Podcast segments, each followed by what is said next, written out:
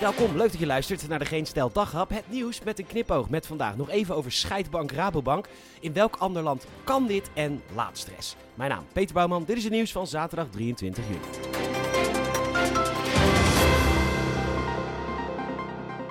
Stel, je zit lekker op de bank televisie te kijken. Ponstars, groot fan. Gaat de bel. Hey, het is de Rabobank. Die even een zak geld komt brengen omdat ze toch wel echt vinden dat je bedrijf moet groeien. Wat hè?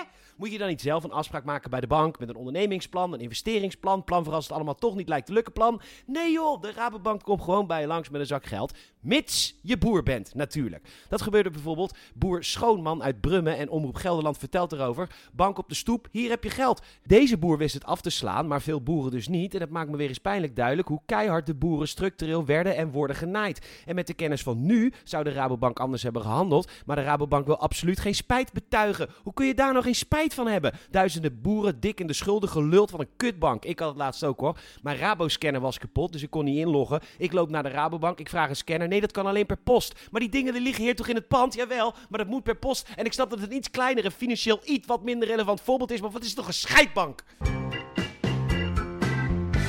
De 73-jarige Wim uit Amersfoort. Het is echt een schatje. Gepassioneerd, maar hij pakt voor de hele buurt de pakjes aan. Hij is immers toch thuis en dat vindt hij leuk voor zijn sociale contacten. Wim is een echte lieverd. Hij ontvangt 20 cent per pakje en dus is hij volgens woningcorporatie Portaal een bedrijf aan huis en dus moet Wim stoppen. Eén. Land. Ik zou het zo fijn vinden om één land te vinden waar dit soort bureaucratisch en betuttelend gekut zo vaak zoveel levensvreugde wegzuigt. Omdat één iemand in de buurt geklaagd had, omdat er een PostNL-busje even op straat stond. Eén land waar de reactie niet zal zijn, nou en?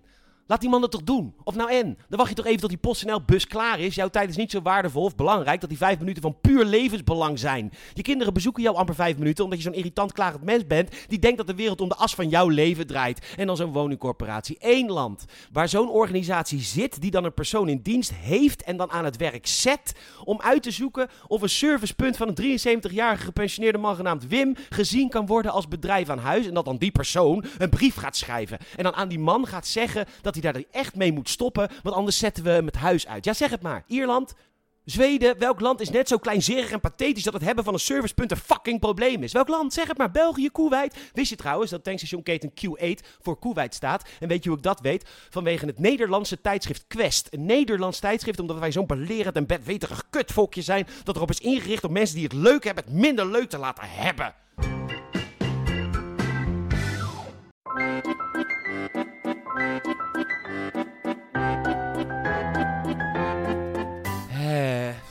Wat een negativiteit weer zeg. Ah, tijd om even te ontspannen.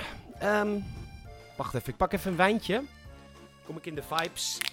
Mm. Lekker man. Mm.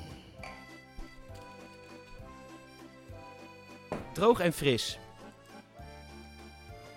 Lekker man. Eh. Mm. Eh. Hey, ehm, als u vandaag eh, wilt ontspannen, dat kan hoor. Eh, dan moet je even naar de NOS. Want daar is een heerlijke reportage uit Frankrijk over mensen die laadstress hebben. Weet u, Ehm, in Frankrijk, eh, daar zijn gewoon niet zoveel laadpalen. En dat is voor op vakantie best wel vervelend. Maar in een tijd dat zoveel misgaat, kapot wordt gemaakt, is een item over Nederlanders met laadstress het meest ontspannende van de dag. Heerlijk. Ik geniet er met volle teugen van. Bedankt voor het luisteren weer. Maak er een mooi weekend van.